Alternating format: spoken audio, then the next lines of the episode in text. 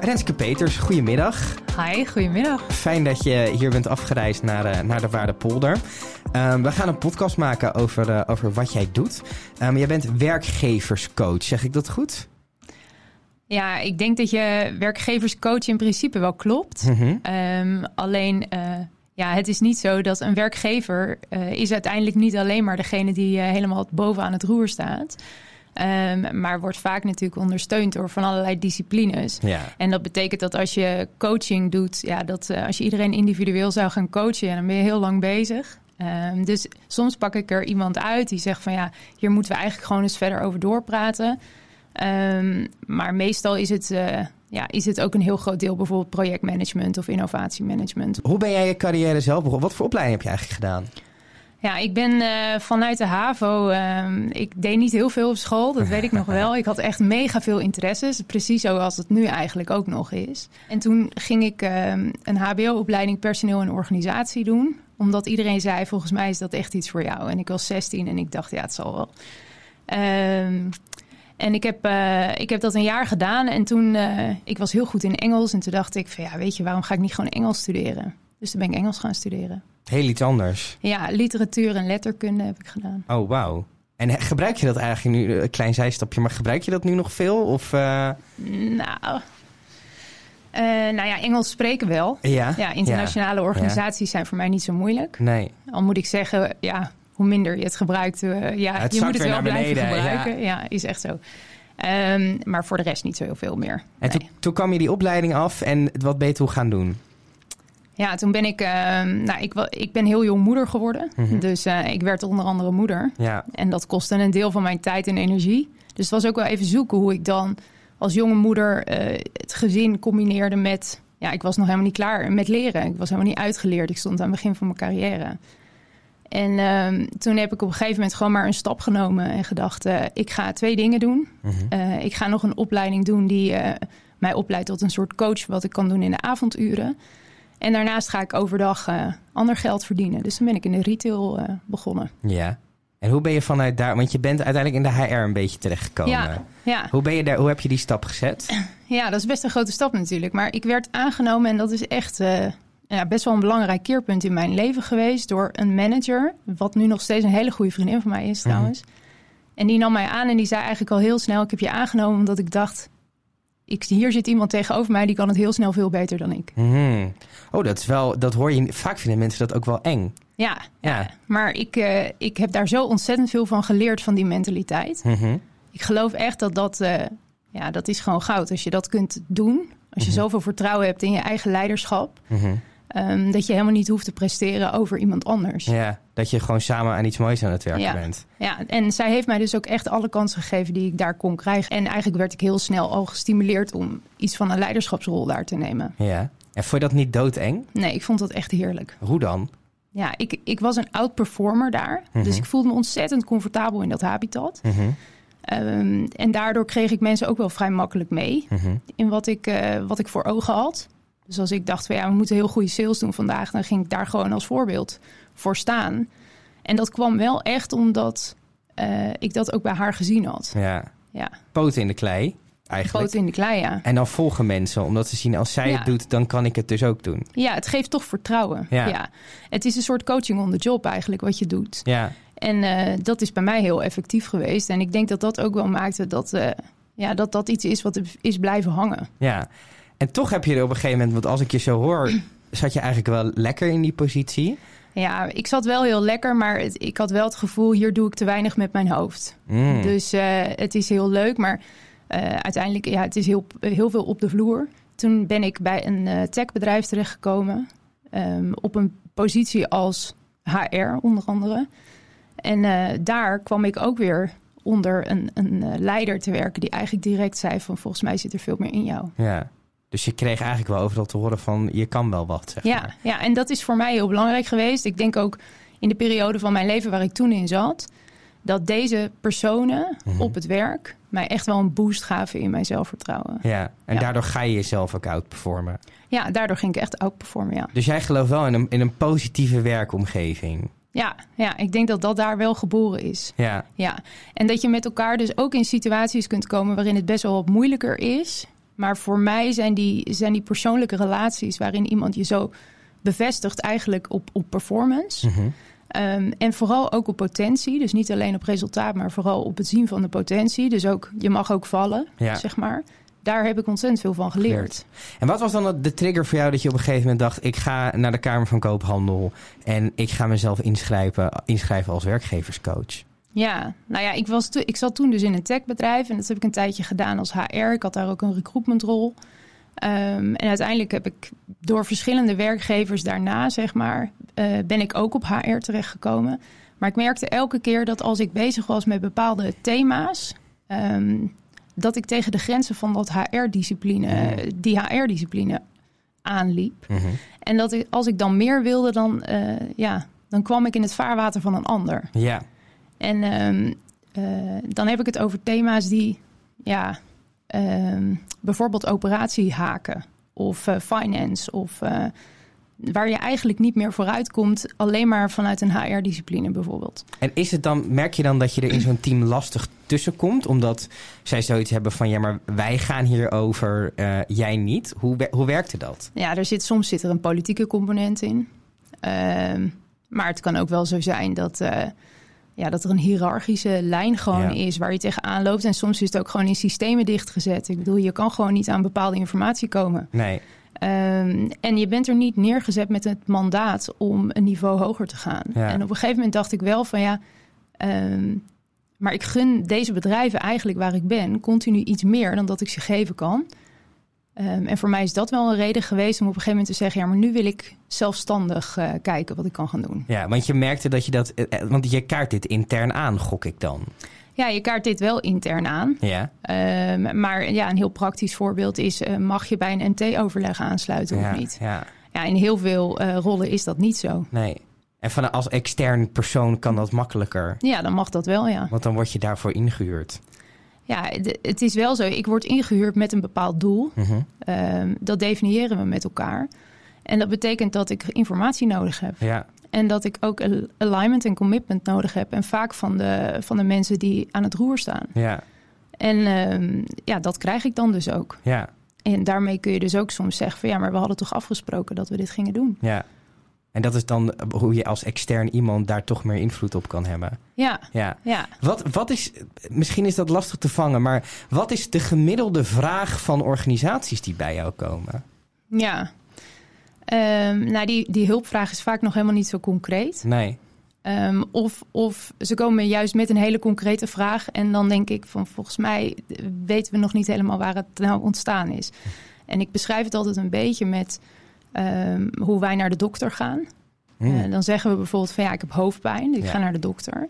En dan de dokter doet eigenlijk eerst gewoon een anamnese natuurlijk. Dus die gaat met elkaar. Dan ga je eerst vragen: oké, heb je ergens anders ook nog klachten? ja. gaan ze vragen. En dan zeg je, ja, ik heb ook wel pijn in mijn nek. Ja. Oh, oké.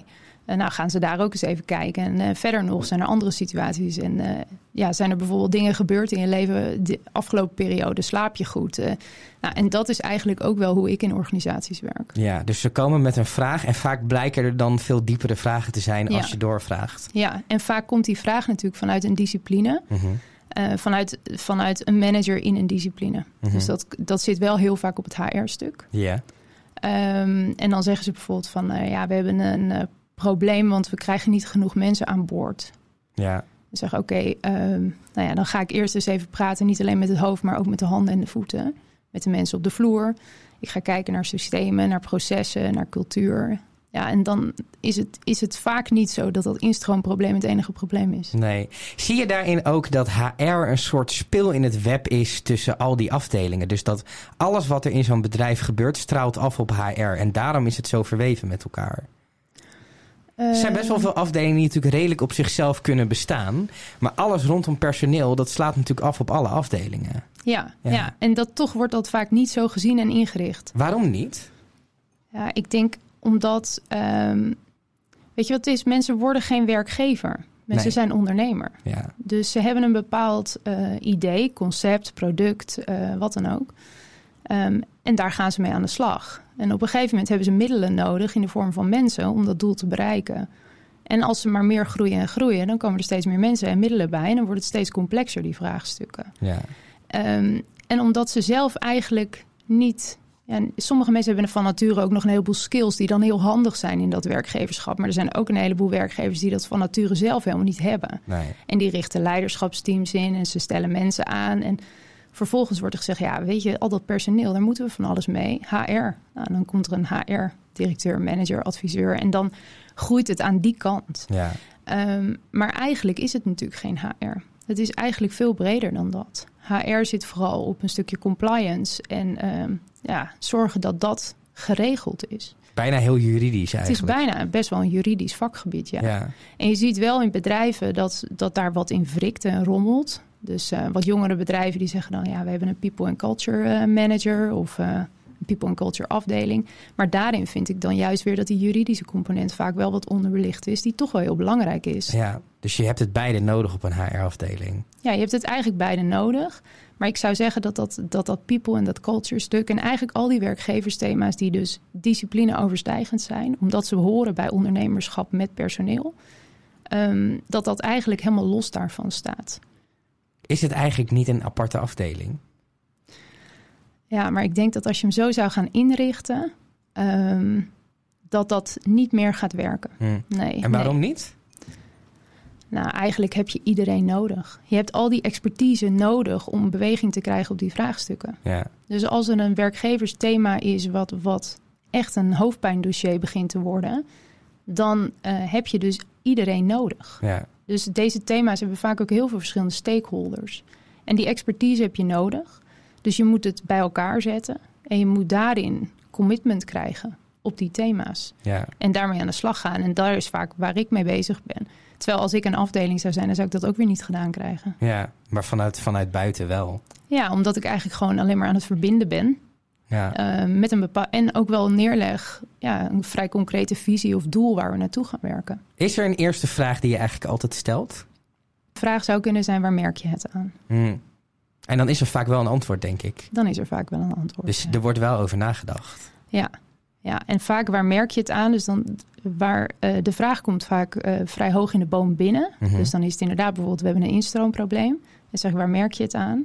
En dan komen er allerlei andere zaken naar voren die niet in het, ja, in het hoofd zitten, maar die vooral in de handen en de voeten zitten. Ja, De mensen die er echt mee werken. ja. En daar, die verandering moet ook vaak beneden plaatsvinden, zeg maar. Ehm, dat weet ik niet. Eh, ik denk het niet. Ik denk dat de reden waarom ik een werkgeverscoach en geen werknemerscoach ben, is omdat ik geloof dat die grotere thema's echt ehm, visie en draagvlak van de bovenste laag, zeg maar, nodig hebben. Mhm. Ehm, maar het is wel zo dat de laag van werknemers wel heel goed gehoord moet worden. Er moet wel heel veel onderzoek gedaan worden Ja. naar ehm, ja, wat speelt er dan bij de handen en de voeten, waardoor jullie zeggen, Mhm. we hebben een, een hoofdpijndossier. Ja, ja.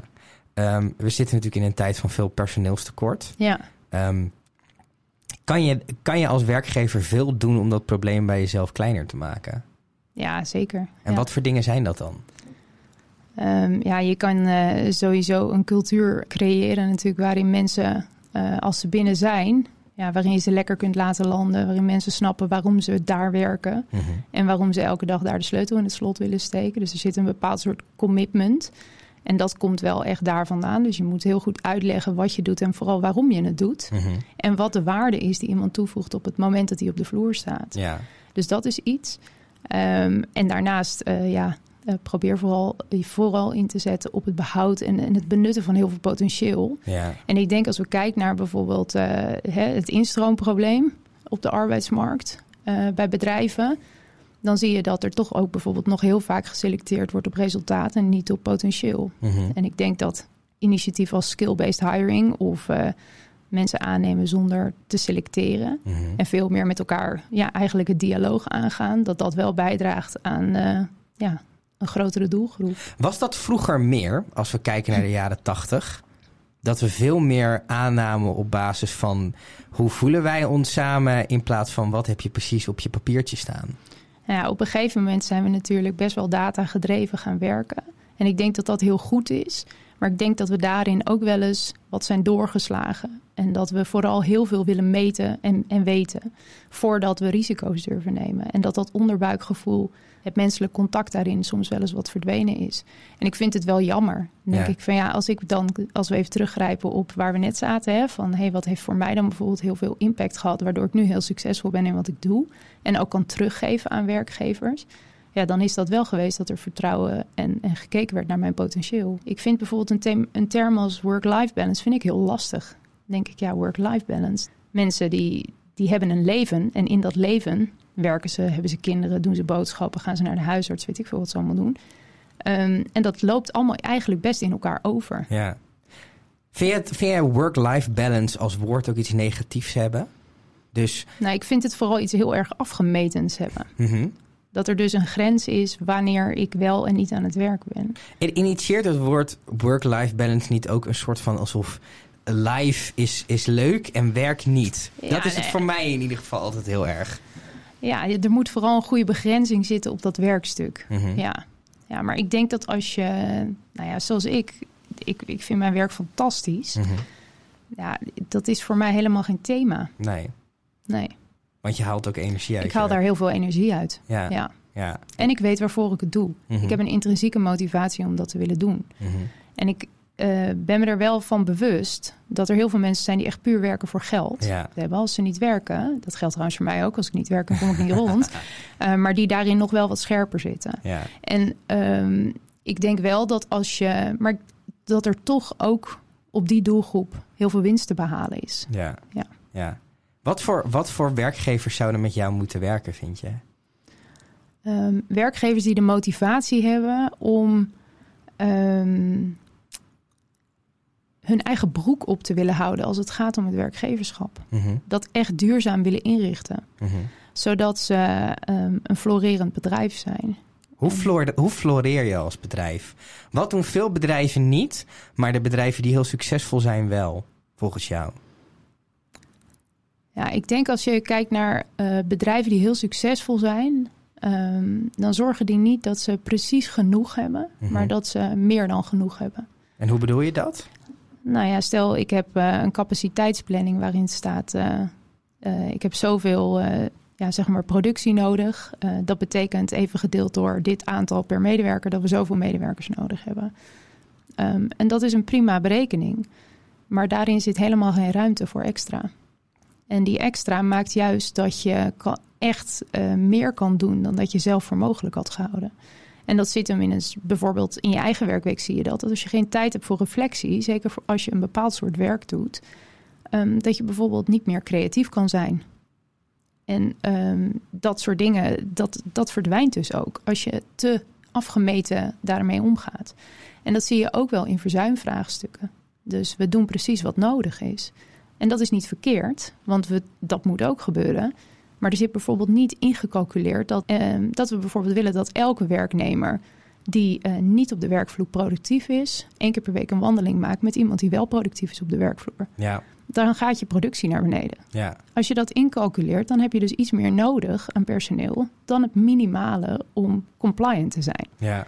Ehm, en je zult zien dat als je dat gaat inrichten en je doet dat op al die thema's, dus al die thema's gaat bekijken vanuit de- dit perspectief, dat je uiteindelijk een sfeer creëert waarbij mensen naar de vloer komen, niet met wat kan ik hier halen, maar met wat kan ik hier brengen. ja. En dat stimuleert innovatie. En dat stimuleert innovatie. Ja, en toch, het, als, als, het, als, ik het zo, als ik je zo hoor, klinkt het heel logisch. Maar toch heb ik best wel vaak het idee dat bedrijven waar heel strak inderdaad gepland wordt op een personeelsplanning, Ja, ehm, dat op het moment dat het inderdaad niet helemaal rondkomt of dat er te veel verzuim is, dat, dat ze verbaasd zijn. Hé, maar we hadden toch gepland op dat het, dat het goed geregeld was. Ja, Ja. ja. Nou ja, dat, het is, en wat er niet in wordt meegenomen is dat, ehm, kijk, werkgeversthema's zijn heel erg eh, aan maatschappelijke thema's eh, onderhevig. Ja, Dus als de maatschappij ver- eh, verandert, dan Mhm. verandert dit ook. Dus Ja. dan heb je het over al die thema's. Dus arbeidsmarkt, maar communicatie, dit, alles wat je doet verandert. Als het mensen en processen raakt, verandert het als de maatschappij verandert. En dat betekent dat je ook continu moet actualiseren, ja, ehm, moet communiceren, intern heel veel vooral. En mensen moet blijven meenemen. En dat je dus je processen, je systemen, alles wat deze thema's raakt, ook heel flexibel moet inrichten. Ja. We hadden het um, in het begin van dit gesprek even over, nou ja, die werkgever, dat loopt uit de hand en ineens heeft hij heel veel personeel. Wij zijn nu een bedrijf met z'n tweeën, mijn compagnon en ik. Wij hebben Ja. geen personeel. Stel, ik heb hier over twee jaar 15 man personeel lopen. Ja, Wat verandert er dan voor mij wat ik nu totaal nog niet kan overzien? ja.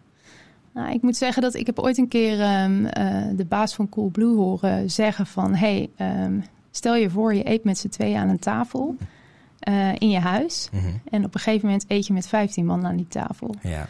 Wat verandert er dan allemaal? Mhm. En dat is eigenlijk bij, ik vind dat nog steeds de beste vergelijking. Ja. Ehm, dat is echt zo.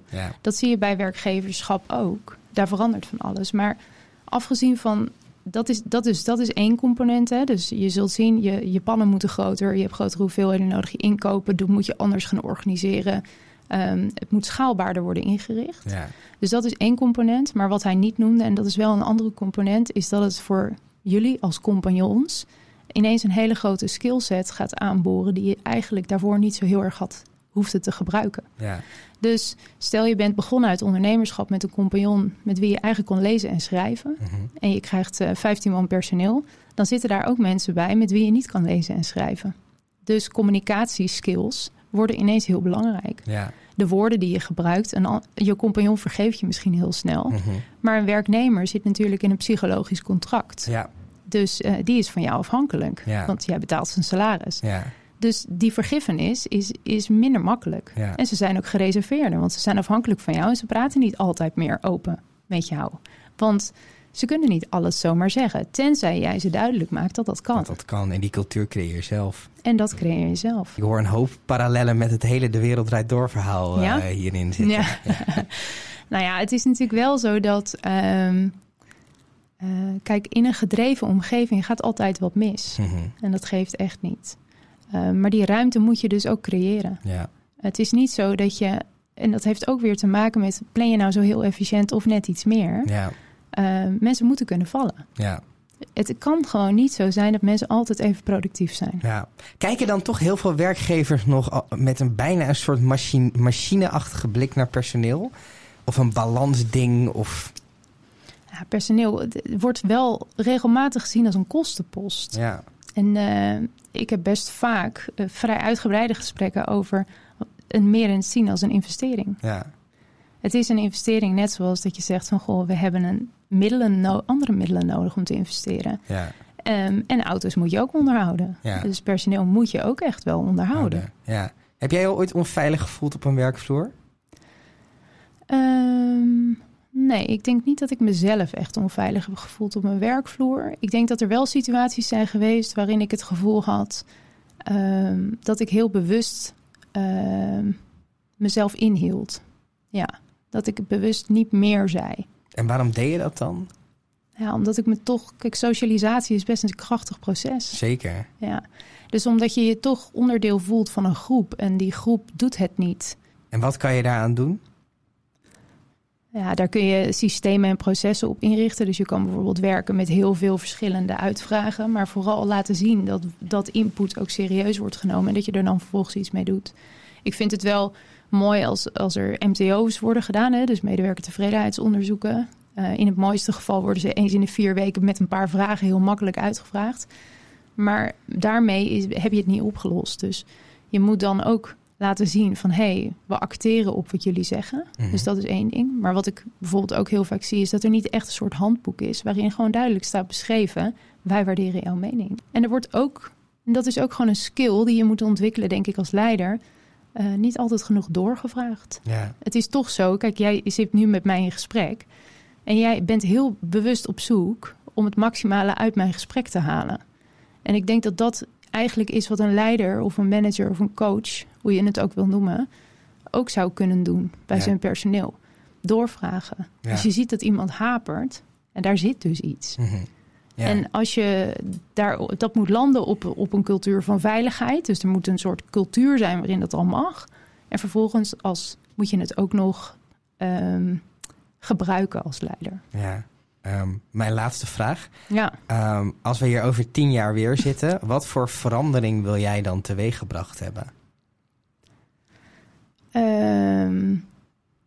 Nou, ik wil teweeg hebben gebracht dat het duidelijk is dat werkgeversthema's discipline overstijgend zijn. En dat ze dus aandacht nodig hebben vanuit al die disciplines. Ehm, en serieus genomen worden daarin dus op het hoogste niveau. En dat het dus betekent dat als je MT-overleg hebt die gaat over de bedrijfsstrategie, dat de strategie die daaraan, dat er geen enkel thema is wat niet ook vanuit dat perspectief wordt bekeken. Dus ik denk dat dat wel iets is. Ehm, en dat bedrijven zich dan ook ja, gaan realiseren van hé, hey, zullen we eens kijken als we daar net iets ruimer in gaan zitten, wat, Mhm. er gaat, eh, wat er gaat gebeuren. Of we dan een beweging kunnen creëren waarin inderdaad ruimte is voor meer dan dat we verwacht hadden. Helder, dankjewel. Ja, alsjeblieft. Jij bedankt.